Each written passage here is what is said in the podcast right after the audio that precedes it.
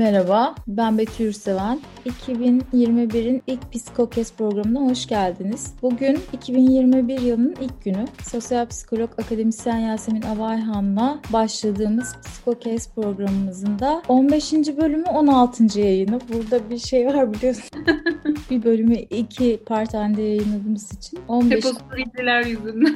evet. 2020 hakkında iyi konuşanı görmedim ben. 2020'yi gömmeyeni de dövüyorlar bence.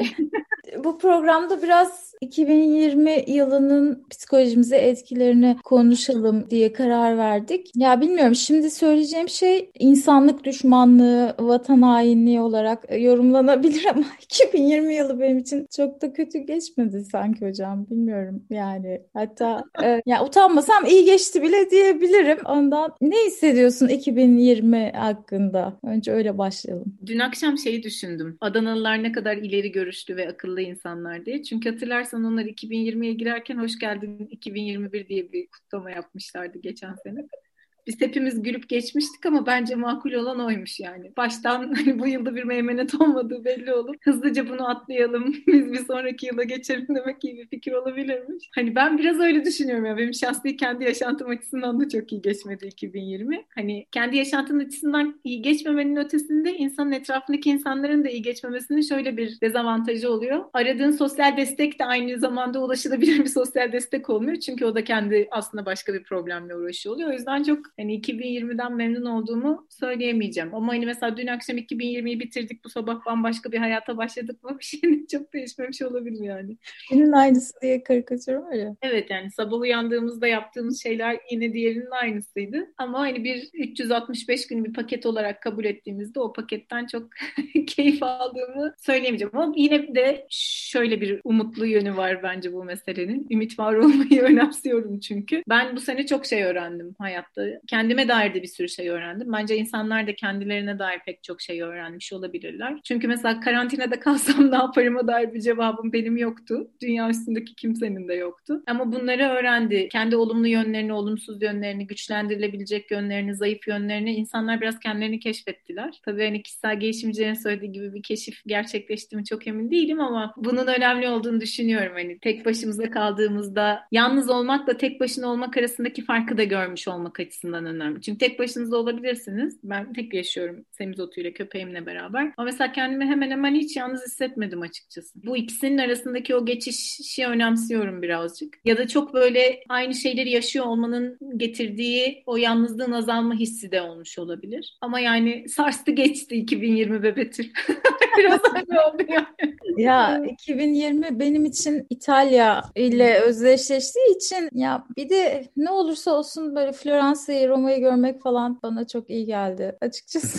Biz görmedik ya sanırım sorun orada. Ya şey oldum başta cefasını çekip sonuna doğru sefasına geçebildiğimi düşünüyorum açıkçası başta. Ya bir cefada çektiğim söylenemez ama işte bir şey bir şok dalgası Tabii. işte şey Türkiye'deki sevdiğim insan insanları aslında kötü durumda olmadığımı ikna etme zorunluluğunun getirdiği yıpranmışlıktan sonra şöyle bir şey yapmak iyi geldi bana. Roma'yı görmek, Floransa'yı görmek ama bana da aslında 2020 son golünü attı. Birkaç gün önce bilgisayarımın bozulmasıyla Gerçekten evlat acısı gibi böyle oturdu yüreğime ama onun haricinde çok da yani bilmiyorum kötü geçmedi benimki diye düşünüyorum. Bu programı dinlemeye başlayanlar 2020 benim için kötü geçmedi dediğimde kapamadıysa bunu da kapatacak.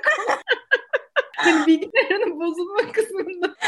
Yani bilmiyorum hocam şimdi Oytun Erbaş hocamızın dediği tarzda Türk genlerinden dolayı korona bizim yakınlara uğramadığı için de henüz kendimi iyi hissediyor olabilirim ama ne bileyim ya. ya bir şeyleri öğrenmiş olduk. Bir insan ömründe yaşama ihtimalinin çok yüksek olmadığı bir dönemi yaşamış olduk. Onun için bir takım şeyleri fark ettiğimizi düşünüyorum. En azından kişisel olarak böyle bir tecrübem olduğuna inanıyorum. Ya çok güzel oldu. İyi ki 2020'yi yaşamışız diyemiyorum ama bundan da bir ya öğrendiğimiz şeyler olduğunu ben de tabii, katılıyorum. Tabii, tabii.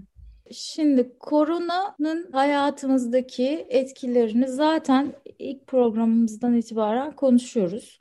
2020'nin en büyük olayı da zaten tartışmasız pandemi. Evet. Aslında 2020'ye girmeden önce Çin'de başlamıştı ama asıl 2020'de Avrupa'ya gelmesiyle birlikte küresel bir boyut kazanınca hepimizin hayatını etkilemeye başladı. Ben de ilk elden tecrübe etmiş oldum Avrupa'ya gelişini. 2020'de bir de Türkiye'de yani Türkiye'yi çok etkileyen depremler oldu. Özellikle son İzmir depreminde bayağı bina yıkılınca bayağı insan mağdur oldu. Hayatını kaybedenler oldu. Depremle ilgili sen sahada çalıştın.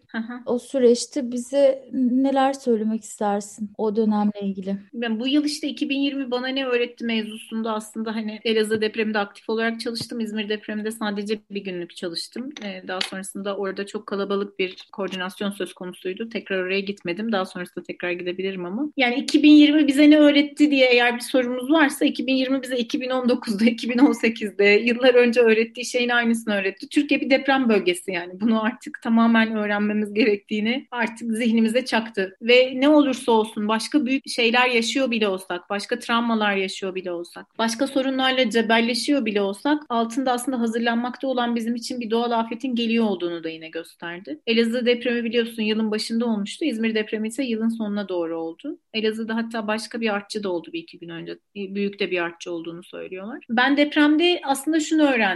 Depremde sahada çalıştığımda daha öncesinde de çalışmışlığım var. Sahada çalışan bir psikoloğun nelere sahip olması gerektiğinin dışında işte psikologların, sosyal hizmet uzmanlarının, psikolojik danışmanlık ve rehberlik mezunlarının bir arada koordinasyonla çalışmasının çok önemli olduğunu gördüm. Bu bizim için en önemli şeylerden bir tanesiydi. Ve açıkçası Elazığ'da da İzmir'de de çok koordineydi saha. Belki artık hani böyle afet müdahale planlarını bilmek, öğrenmek hepimizin birincil görevi ama onun da dışında sahada koordine olabilmek için de bu meslek erbaplarının birbirlerini birazcık daha kabullenmesi gerekiyor. Ben bu yıl birazcık bu kabullenmenin olduğunu gördüm. Bu beni çok mutlu etti. Koordinasyon çünkü Aile Çalışma ve Sosyal Hizmetler Bakanlığı'nın gerçekleştirdiği bir koordinasyon. Bu önemli bir şey ama işte travma da çok enteresan bir mesele. Yani orası biraz klinik psikoloji giriyor ama ben kendi yaşantım üzerinden onu anlatayım. Ben depremde Elazığ'a giderken çok sevdiğim bir arkadaşım klinik psikolog Sedat Işıklı bana şey demişti. Beni ara oradan. Hani her gün ara ben senin telefon badin olayım. Orada olmayan ve o anın seninle yaşamayan tırnak içinde daha normal bir dünyada, daha gündelik bir dünyada bıraktığın bir kişiyle temas et diye. Ben bunu giderken çok önemsememiştim yani. Ne olabilir diye düşünüyorsun ama bir deprem bölgesinde çalışmak ya da pek çok insanın bir anda ortak acısının olduğu bir yerde çalışmakta kahramanlık yanılsaması dediğimiz bir şey oluyor. Her şey yetişebileceğini zannediyorsun. Ben de böyle bir şey çok meyilli bir insan olduğum için çok hızlı kendimi ona kaptırdığım bir zaman olduğu için. Hiç uyumadan, hiç yemek yemeden saatlerce çalışmaya çalışıyorsun. Dışarıdan bir bağın olması gerekiyor. Hani 2020 başlarken depremle beraber biraz onu göstermişti bence. Hani o depremde çalışmaya gidenler ve onu yaşayanlara hayatta neyin önce önemli olduğunu göstermesi açısından. Sanırım hani bütün yılda ilgili söyleyebileceğimiz en büyük şey bu. 2020 bize şunu gösterdi. Hayatta sağlıktan, yaşıyor olmaktan, yaşamın kendisinden daha önemli bir şey yok yani. Her şey mesela ertelenebilir, ötelenebilir, farklı bir formata girebilir. Ama kişinin nefes alamaması başka bir ertelenebilecek, ötelenebilecek ya da başka bir formatta gerçekleşebilecek bir şey değili gösterdi. Deprem de biraz öyle bir şey. Oraya gittiğinizde diğer dünyadaki o sahil hayattaki bütün şeyler geride kalıyor. O travmalarla beraber. Ve hani o iyileşmenin çok kolektif bir şekilde gerçekleşebildiğini de görüyorsunuz. Ben tabii ki yani bir deprem bölgesine gittiğim, orada çalıştığım için mutsuz değilim elimden geleni yaptığım için ama keşke olmasaydı diye düşünüyorum. Ama böyle hani çocukluğumdaki hani böyle Türkiye'de bir deprem olur, orada bir haberleşememe durumu olur,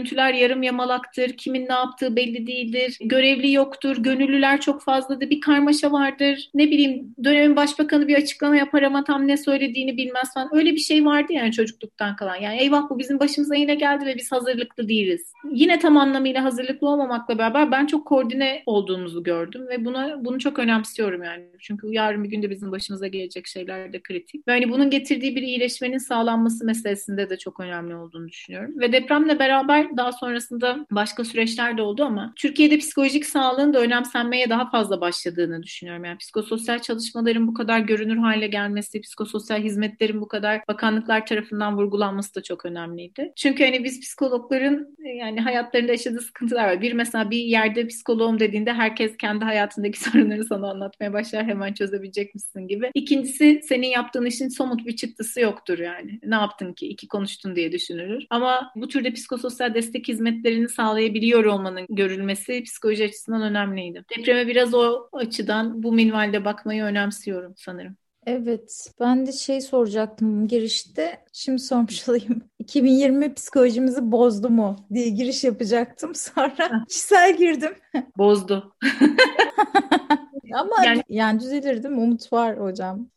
yani bu dün bir arkadaşımla şey konuşuyorduk. Hayatta hiçbir zaman her şeyin inişi olamaz inişleri ve çıkışları olan bir şey. Yani entropi böyle bir şey yani doğa kabul etmiyor her zaman inişi. İnişi varsa mutlaka onun çıkışı da olacak demektir yani. Hani eyvah dibe vurdum dediğinde mesela insanın bence olabilecek en güzel şeylerden biri şu. Bundan daha kötüsü olamaz. Bu e-maile de çıkacağım diye düşünmesi gerekiyor. Hani onun kritik getirdiği bir süreç var. Bence biraz 2020 bize onu gösterdi. Dün akşam şey hissettim mesela ben. Her yıl yılbaşı kutlarken böyle büyük büyük beklentilerimiz oluyor. Kendimizden, dünyadan değil mi? Mesela dün benim beklentim beklentim en azından 2021'de sadece var kalımı gerçekleştirebilmek, sağ kalabilmekti. Hani sevdiğim insanların, eşin, dostun, etrafımızdaki insanların daha minimalist bir beklentiye getirdi bizi 2020. Psikolojimizi biraz bozmuş olabilir, beklentilerimizi daha minimalist bir noktaya getirmiş olabilir. Ama belki hani daha bu minimalist beklentiler 2021'i daha iyi geçirmemizi sağlar yani. Daha büyük beklentilere sahip olup hayal kırıklığı yaşamaktansa belki hani nice diyor ya umut iyi bir şey değildir diye. Belki de hani umut etmemizi azaltıyor olduğu için de psikolojimizi biraz daha regüle edebilir. İnşallah. Ee, güzel geçer diye umuyorum ben de. Şey oluyor yani bundan daha kötü ne olabilir? Mesela 2019 çok gömüldü öyle. Bundan daha kötüsü olmaz herhalde diyorsun. Daha kötüsü onun için bilmiyorum. Bundan daha kötüsü olabilir ama inşallah olmaz diye girmeyi tercih ediyorum ben bu yıla. Bu yıl bir de yani 2020'de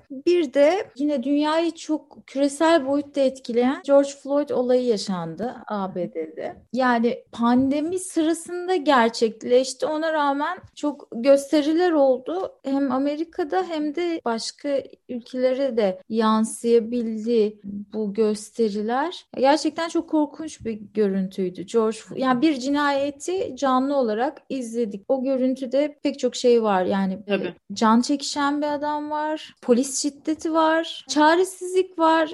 Yani zaten insanları işte bunun canlı çekiliyor olması ve hemen yayınlanabiliyor olması, herkes herkesin izleyebiliyor olması da olayları çok tetiklemiş oldu. İşte medyanın psikolojiyle ilişkisini konuşuyoruz ya her zaman. Burada da yani öyle bir şey oldu. Yani medya içeriğine direkt ulaşabildiğimiz için anında olayın ne olduğunu bizatihi yaşamış olduk. Evet. Bundan dolayı da işte empati süreci de çok hızlı bir şekilde gerçekleşti. İnsanlar çok hızlı mobilize oldu ve Amerika'yı çok derinden sarsan ve çok uzun süren bir süreci tanıklık ettik. Ya bu ırkçılıkla ilgili bu George Floyd olayıyla başlayan süreçte ırkçılıkla ilgili duyarlılık gelişmiş midir acaba? Şimdi son Başakşehir maçı ile ilgili de konuşmuştuk sportif evet. rekabetle ilgili bölümümüzde. Gerçekten bir ırkçılığa karşı bu 2020 yılında bir ilerleme kaydedebildik mi acaba? Ne düşünüyorsun? Hayır,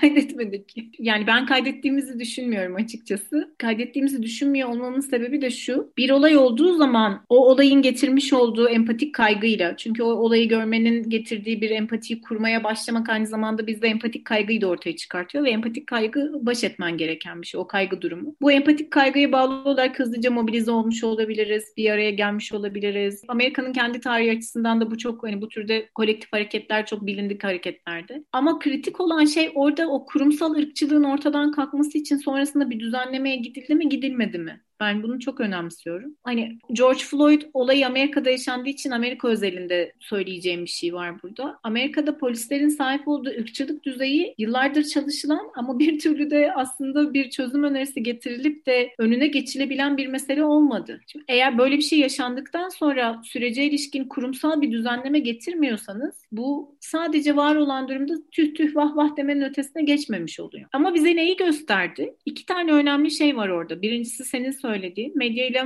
kolektif davranış arasındaki bu ilişkinin gitgide daha da artıyor olması, yani bir başkasının yaşamakta olduğu bir zulmü o anda görebiliyor olmamız aslında bizi etrafımızdaki diğer insanlara karşı daha hassas hale getirdi. Bu bence Covid ile medyanın arasındaki ilişki bağlamında da var. Yani birilerinin yaşamakta olduğu şeyleri ne kadar fazla görürsek aslında bir noktada bu bizi daha az egosantrik yaptı. Durduğumuz yerden bakmıyoruz sadece. Hani egosantrizm biraz çocuklukta olan bir şeydir ya. Hani işte 3-4 yaşındaki yeğeninle telefonda konuşursun. Şey der sana bak üstümdeki elbise ne kadar güzel der. O çünkü görüyordur elbiseyi. O durduğu yerden gördüğü için senin de gördüğünü düşünür. Bencillik gibi bir şey değil egosantrizm. Baktığı perspektiften gördüğünü herkesin aynı olduğunu düşünmesi. Şimdi aslında ülkeler kendi içlerinde çok uzun zamandır daha egosantriklerdi. Covid meselesinde de öyle değil mi? Yani Mart mesela konuşurken elimizde nasıl konuşuyoruz? Korona Mart'ta başladı diye. Pek Mart'ta başlamadı aslında. Daha öncesinde başlamıştı. Bizim ülkemize sirayet etmesi Mart'ta olması daha öncesinde ölen insanların koronadan ölmediği anlamına gelmiyor. George Floyd meselesinde de bence böyle. Bir grubun sadece o grubun üyesi olduğu için hala gadre uğradığını görmek ve bunu bu kadar hızlı medyaya bağlı olarak görebilmek aslında o egosantrizmi birazcık daha azaltan bir şey getirdi. Bence en kritik meselelerden bir tanesi bu. O yüzden o kadar hızlı da mobilize olunabildi. Ama daha demin söylediğim gibi mobilize olmak çok güzel bir şey. Orada edilen o olumlu noktaya gidebilecek olan enerjiyi olumlu yere kurumsal değişiklikleri yapmaya aktarmak yerine saldırganlığa aktarmak da bir tercih ve ne yazık ki yine o tarafta aktarıldığı bir yer oldu. Bence kurumsal ırkçılığı ortadan kaldırılmasına ilişkin bir aktarma olmadı. Ama kritik başka bir şey oldu bence. Bunu da devam ettirebilmemiz önemli. Bir davranışın çünkü oturabilmesi için sürekliliği çok önemlidir. Açık ırkçılık meselesini çok daha rahat konuşuyoruz artık. Yani biri bir noktada daha ırkçı olduğuna dair bir söylemde bulunduğunda ve bunu da rasyonelleştirdiğinde, kendine göre belirli bazı zeminlere oturttuğunda buna karşı etraftaki kişilerin daha fazla karşı çıkabildiğini görüyoruz. Şimdi Twenge'in İyi Nesli diye bir kitabı var. Türkçe'de çevrildi diye hatırlıyorum. Önce Ben Nesli diye bir kitap yazmıştı. Yani zaman içerisinde neslin daha fazla ben dediği, daha egosantrik bir nesil olduğunu. Ama şimdi var olan yeni nesli ise işte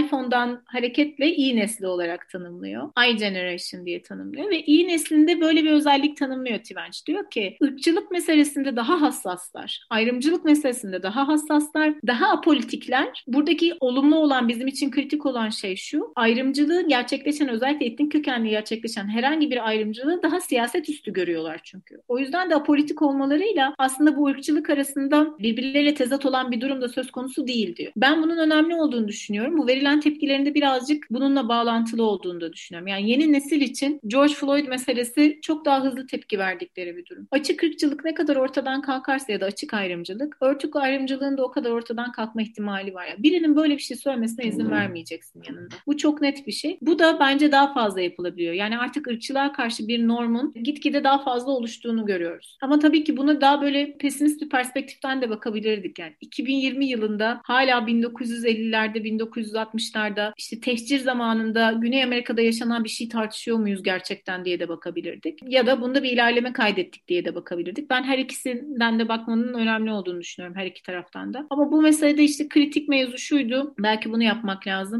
Amerika'daki polislerin sahip olduğu ırkçılık düzeyi üzerine konuşmak, buna ilişkin gerçekleştirebilecek psikolojik eğitimleri birazcık göz önünde bulundurmak gerekiyor. Öbür türlü çünkü sadece kendi aramızda konuştuk. Verilmesi gereken tepkileri sosyal medyadan verdik. Bu da bizi vicdanen çok rahatlattı. Ama hayatımıza kaldığımız yerden devam ettik demek aslında. Hı hı. Ayrımcılığa karşı yeni neslin daha tepkisel, hı hı. hızlı reaksiyon gösterdiğini, karşı reaksiyon gösterdiğinden bahsettin ya. Son işte 2020'nin son gollerinden biri de şey şu bir adam şey yaptı ya Halk TV'de mi ne başörtülü hakimler şöyle böyle falan diye şey. Aha, fikri sağlar. Mesela onunla ilgili ben tepkilere baktım. Yani adamın dediği şeyden ziyade tepkiler ilgimi çekti ve şey yani o dediğin şeyi ben bu konuda da gördüm mesela. Yani ırkçılığa karşı verilen tepkiler gibi. Tabii ki de fikri sağların zihniyetini paylaşan yine çok fazla insan var ama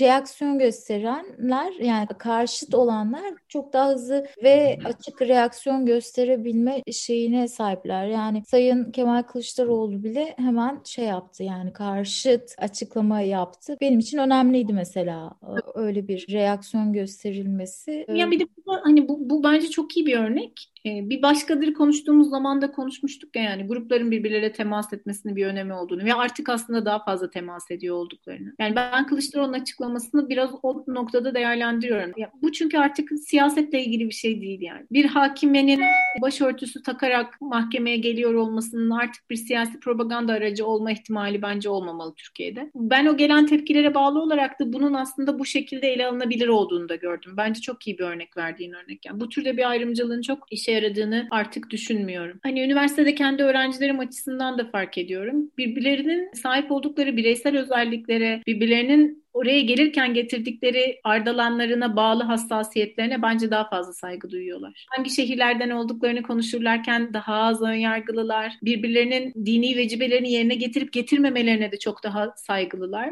Ben böyle sorunların çok yaşandığını düşünüyorum. Bir şöyle bir an hatırladım mesela işte bir öğrencim kapıda böyle bekliyor cep telefonuyla oynuyor. Daha seküler bir ailenin çocuğu. İşte arkadaşın nerede diyorum. Hocam mescide gitti. Namaz kılacak onu bekliyorum ben de burada diyor. Bence bu çok hoş bir şey yani. Bu benim öğrenciliğim ilişkimde yani bu benim için olurdu kendi arkadaşlarımla ilişkimde ama hani başkalarıyla çok olacak bir şey değildi. Dolayısıyla hani artık o ayrımcılık meselesinin bence çok seyircisinin kaldığını düşünmüyorum. Gerçi Fikri Sağlar yaptığı açıklamanın üzerine daha sonrasında bir tüy dikme ihtiyacı duyarak ben orada dine karşı bir aşağılamada bulunmadım. Bunun siyasal olarak kullanılmasını makul bulmuyorum deyip Türkiye'nin en eski ve en hani olabilecek din dinozor ayrımcılığı tırnak içindeki siyasal İslam'ı tekrar canlandırmaya çalışmış olabilir ama ben artık bunun da çok seyircisinin olduğunu sanmıyorum yani. Bir, bir şey söylemiyor çünkü bu. Birlikte yaşıyoruz ve hiçbir şey söylemediğini fark ettik yani. Boşu boşuna çabalanıyor demek bu. Evet. Son olarak da şeyden bahsedelim. 2020'nin ya en ilginç olaylarından biri, en büyük kabul edilen olaylarından biri de Amerikan seçimleriydi. Sayın Trump artık başkan değil. Daha doğrusu seçimi kaybetti. Yeni dönemde başkan olmayacak. Şimdi galiba hala görevi devralmadı Biden ama kendisi çok yüzleşemedi gibi görünüyor. Kaybetmesiyle pek kabullenemedi. Ama yani Türkiye'de mesela şey de ilginçti. Seçime bağımlı olduğumuzu bir kere daha gördük. Seçim gündemini çok çok sevdiğimizi ve günlerce onu takip edebiliyor olduğumuzu ta Amerika'daki seçim bile takip edebiliyor olduğumuzu görmüş olduk bu yıl. Yani Trump artık yok. En azından bir dört 4 yılda bir mi oluyor Amerikan seçimleri? Birkaç yıl olmayacak bir dönem Amerika'da. Sonrasında tekrar gümbür gümbür gelebilir diyorlar ama bilemiyorum. Şimdi beklenenden daha fazla, çok daha fazla oy aldığına dair bir takım analizler yapıldı. Tabii ki de bizim konumuz olmadığı için onlara girmeyeceğim ama Trump'ın bu kadar yüksek oy alabilmesinin sosyologlar tarafından da incelendiğini ve önümüzdeki zamanlarda çok çok bunun araştırılacağını düşünüyorum. Şimdi Sayın Sosyal Psikolog Veysel Karazor'un konuşmasında referans verdiği Friends dizisinin Trump'ın bir public figure olarak insanlar tarafından benimsenmesindeki rolüne dair bir takım söylemler olduğunu duydum ben. Bu konuyu çok ilginç buldum. Bunun hakkında da senin fikirlerini dinleyip programımıza son verelim istersen. Veysel'in orada anlattığı anlattığı Veysel Karazor'un orada anlattığı makale aslında şöyle bir şey söylüyordu. O sanırım bir köşe yazısı üstünden gidiyor ama bizim sosyal psikolojide çok sevdiğimiz, benim çok sevdiğim en azından Mer Exposure Effect dediğimiz aşırı maruz bırakma ya da sadece maruz kalma etkisi diye Türkçe'ye çevirdiğimiz bir kavram var. Bu da şu demek. Eğer bir tutum nesnesine ilişkin bireyin tutumu başta nötrse, olumsuz olmaması lazım ama başta nötrse, birey o tutum nesnesine ne kadar maruz kalırsa sadece maruz kalmasına bağlı olarak tutum tutumu nötrden olumluya gidebilir. Yani ben sadece sabahları biriyle karşılaştığım için bir zaman sonra o kişinin iyi sevebilirim. O kişinin iyi bir insan olduğunu düşünebilirim. Onunla temas etmem gerekmiyor. Nötr olan tutumun sadece maruz kalmaya bağlı olarak olumlu kısmına gitmesi bizim için önemli. Bu aslında medyada görünürlük dediğimiz bir kavram var iletişim çalışmalarındaki işte görünürlüğü çok fazla vurgulamak için. Görünürlüğün önemi bu. Bir şey ne kadar görünür olursa bizim için eğer başta olumsuz değilse tutumumuz daha sonrasında o kadar çok istenir olma ihtimali ihtimali var. Görünürlüğün istenirliği arttırabildiğini biliyoruz. Şimdi Veysel'in bahsettiği oradaki makalede de şöyle bir şey söylüyor. Friends dizisi dünyanın en çok izlenen dizilerinden biri biliyorsun. Amerika'da da en çok izlenen dizi ve Friends'in izlendiği saatte aslında Friends'in yerine daha sonrasında dizi bittikten sonra Trump'ın konuşmalarının olduğu bir sekans konuyor. Dolayısıyla aslında hali hazırda fazlasıyla izleyicinin televizyonun başına, ekranın başına geçtiği zamanlarda Trump'a maruz kalma oranının oldukça yüksek olduğunu söylüyorlar. Bu şekilde sadece maruz kalmanın Trump'ın görünürlüğünü arttırdığını, bu görünürlüğün arttırılmasının Trump'ın istenilen bir rol modeline dönüştüğüne ilişkin bir vurgu var. Yani aslında Trump'ın söylediklerinin etkilemesi değil de o kişileri zaten hali hazırda televizyonun o anda başında olmasıyla ilgili bir şey bu. Bu önemli olabilir. İşte prime time dediğimiz şey niye prime time mesela? Neden daha diğer zamanlarına göre televizyonun diğer segmentlerine göre daha önemli dediğimizde de aslında bu aşırı maruz kalma etkisini söylemiş oluyoruz. Ama burada kuşkusuz şeyde konuşmak lazım yani işte Trump seçildiğinden beri Amerika'daki psikologlar, sosyologlar tırnak içinde kafayı yemişçesine nasıl olur da Trump seçilir tartışıyorlar. Hani belki bu Türkiye'de de bazı zamanlarda bazı akademisyenlere söylediğimiz bir şeydir. Yani belki de demokrasinin gereğini hazmedip hani çok da analize gitmemek de önemli olabilir. Nasıl oldu da seçildi demek bu kişi seçilmemeliydi demek çünkü. Yani bazen bu türde tercihler gerçekleşiyor olabilir. Trump'ın seçiliyor olmasındaki etkenlerden birinin bu olabileceğini ben de düşünüyorum ama kuşkusuz tek etken değil. Yani orada üstüne analiz yapılabilecek pek çok şey var. Bir dört yıl sonrasında da Trump gümbür gümbür geliyor olabilir mi? Bence evet olabilir. Evet o zaman 2021'in ilk programının sonuna gelmiş oluyoruz. Bugün 2020'de psikolojimiz bozuldu mu sorusuna cevap aramış olduk aslında ve bozulduğuna karar verdik. Her ne kadar ben o kadar da kötü geçmediğini düşünüyor olsam da 2020 yılının tabii yani korona bana henüz uğramadığı için onun rahatlığıyla da konuşuyorum ama yine de bir şeyler öğrendiğimiz konusunda hemfikir olduk ve 2020 yılının büyük olaylarından bahsettik. Bizi dinlediğiniz için çok teşekkür ederiz. Umarız 2021 yılında da bizi dinlemeye devam edersiniz ve daha çok geri bildirim gönderirsiniz bize. Geri bildirimlerinizde bize önerilerde de bulunabilirsiniz. Özellikle konuşulmasını, irdelenmesini istediğiniz konularda bize tavsiyelerde bulunabilirsiniz. Eleştirilerinizi de bekliyoruz. Yorumlarınızı bekliyoruz. Evet Yasemin Hocam söylemek istediğin bir şey var mı son olarak? Şeyde hani 2020 bizi bozdu mu sorusuna evet diye cevap verdik ya bizi değil de alırız psikolojimizi. Hani bunu ne kadar bozduğuna dair şöyle bir örneğim var. Sen normalde psikolojimiz bozuldu mu hocam dediniz. Ben hani ona bozulmak demeyelim de şöyle diyelim devam ederdim. Burada dedim evet dediğime göre gerçekten bozuldu. Aslında 2020 bizi bozdu mu daha güzel bir soru hocam. Evet. Başta öyle mi atsak? Lost bozdu öyle böyle bozmaması gibi. Bence hani psikolojimiz de bozdu bizi de bozdu. İkisine de cevabım birbiriyle tutarlı olacak diye düşünüyorum. 2021 umarım hepimiz için daha iyi geçer. Ben aşıdan mutluyum. Belki bir hafta aşıyla ilgili de konuşmamız gerekiyor olabilir. 2021'de daha özgür olabildiğimiz, daha çok birbirimizle temas edebildiğimiz, daha güldüğümüz ve güzel anılarla hatırlayabildiğimiz bir yıl olur umarım. İnşallah. Ben de 2021'e bütün olumlu enerjini, kainata enerji gönderenler oluyor. Ben de 2021 yılına öyle. evet Yasemin Hocam tabii bu tarz beyanlar karşısında fenalıklar geçiriyor. enerji göndermek falan deyince. Pekala 2021 yılınız çok güzel geçsin inşallah hepimizin, hepimizin ve bütün dünyada da dertlerimize en kısa sürede çare bulunmasına vesile olmuş olsun. Haftaya görüşmek dileğiyle. Kendinize Hoşçakalın. Hoşçakalın.